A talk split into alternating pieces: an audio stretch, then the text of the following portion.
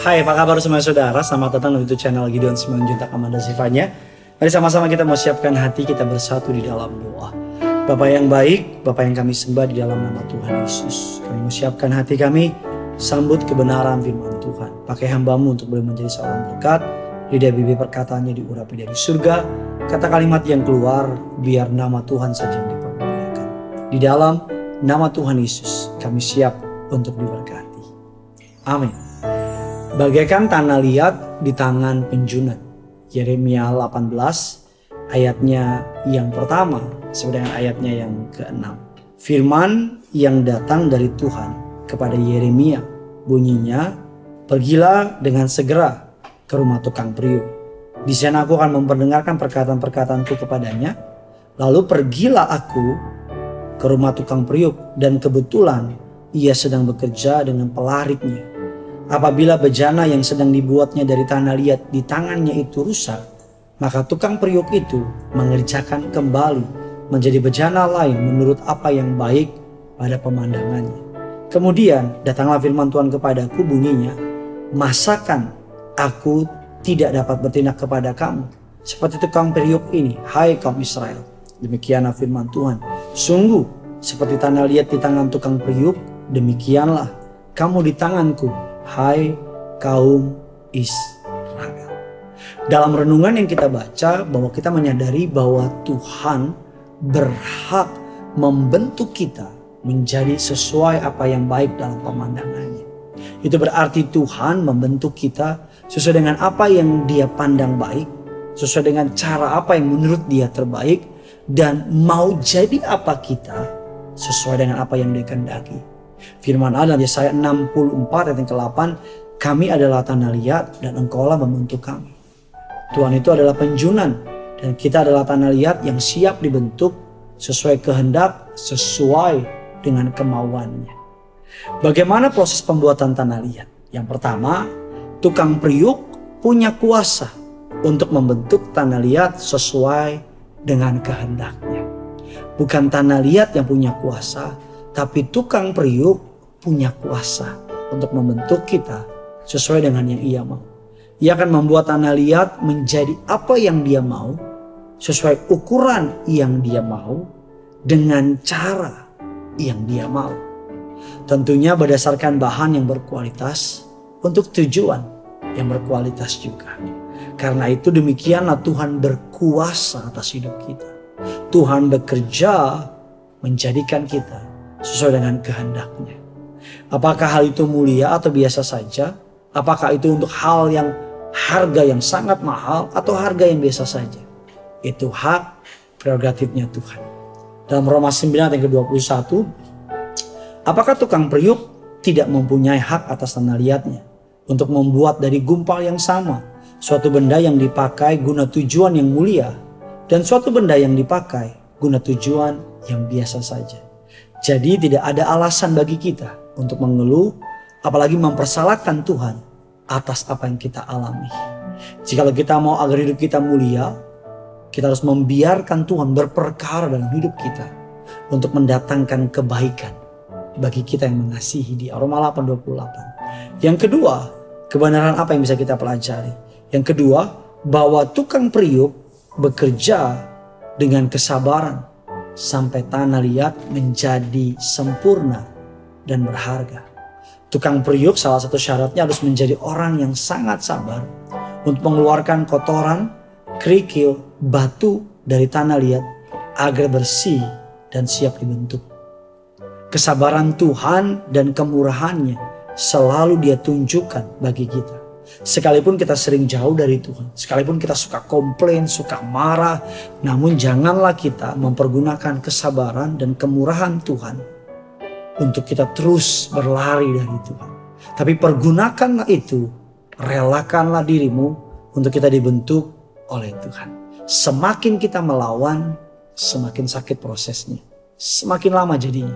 Tapi semakin kita merelakan hati kita, maka semakin Tuhan membentuk kita dengan indah. Dalam Yesaya 45 yang ke-9. Celakalah orang yang berbantah dengan pembentuknya. Dia tidak lain dari beling periuk saja. Adakah tanah liat berkata kepada pembentuknya, apakah yang kau buat? Atau adakah dia tak berkata engkau tidak punya tangan? Tidak ada hak kita untuk menuntut apalagi mempersalahkan Tuhan yang sedang membentuk kita. Orang yang suka berbantah, orang yang suka lari atau suka melawan pembentukan Tuhan, hidupnya pasti mengalami hal-hal yang makin sulit, makin sulit dan makin sulit. Ingat, kita hanya beling periuk saja. Tadinya nggak berguna, tadinya sampah, cuma tanah liat.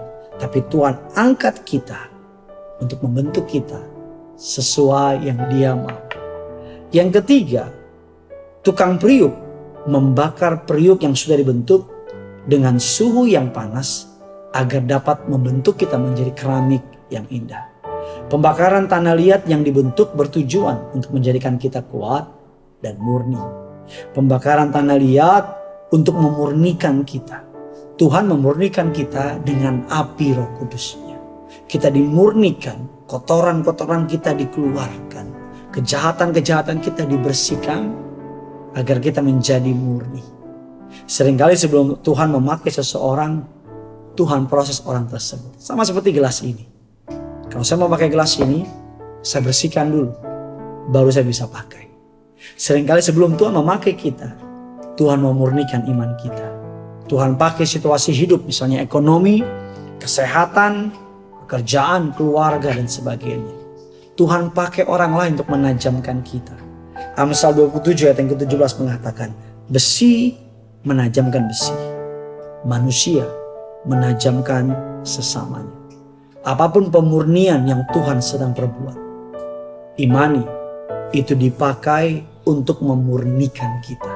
Untuk membentuk kita menjadikan kita segambar serupa seperti Allah.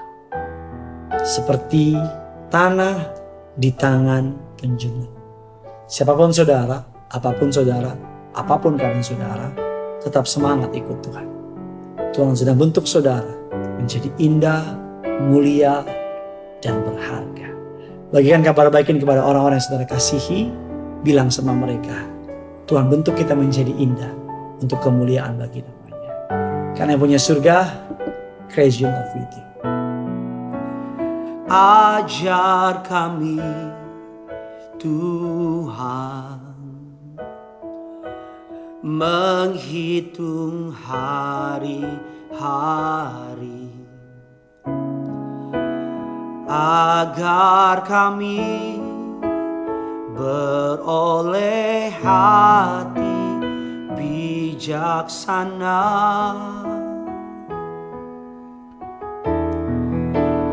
Ajar kami Bapa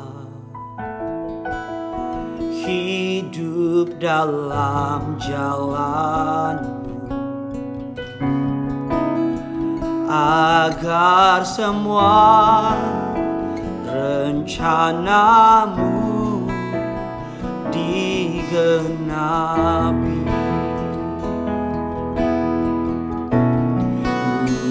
Mulialah namamu Tuhan Dan ajaib jalanmu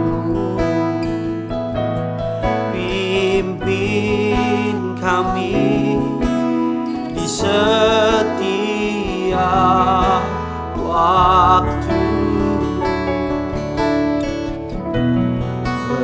Besar setiamu Tuhan. Agunglah karyamu. Yesus kami bersyukur padamu Mari sama-sama mulialah namamu Tuhan. Mulialah namamu Dan ajaib jalanmu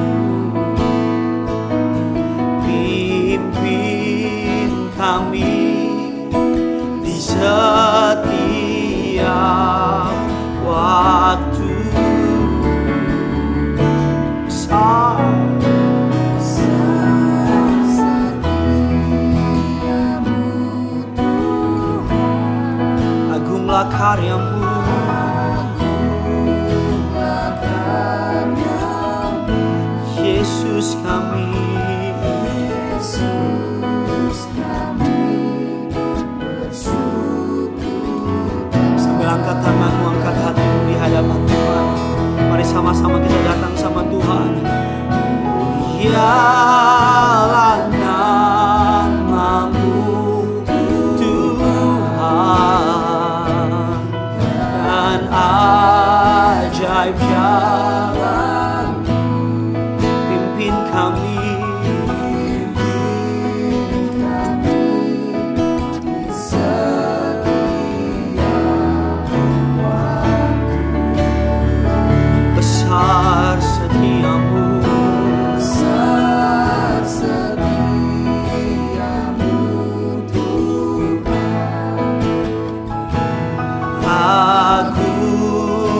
sacarlo.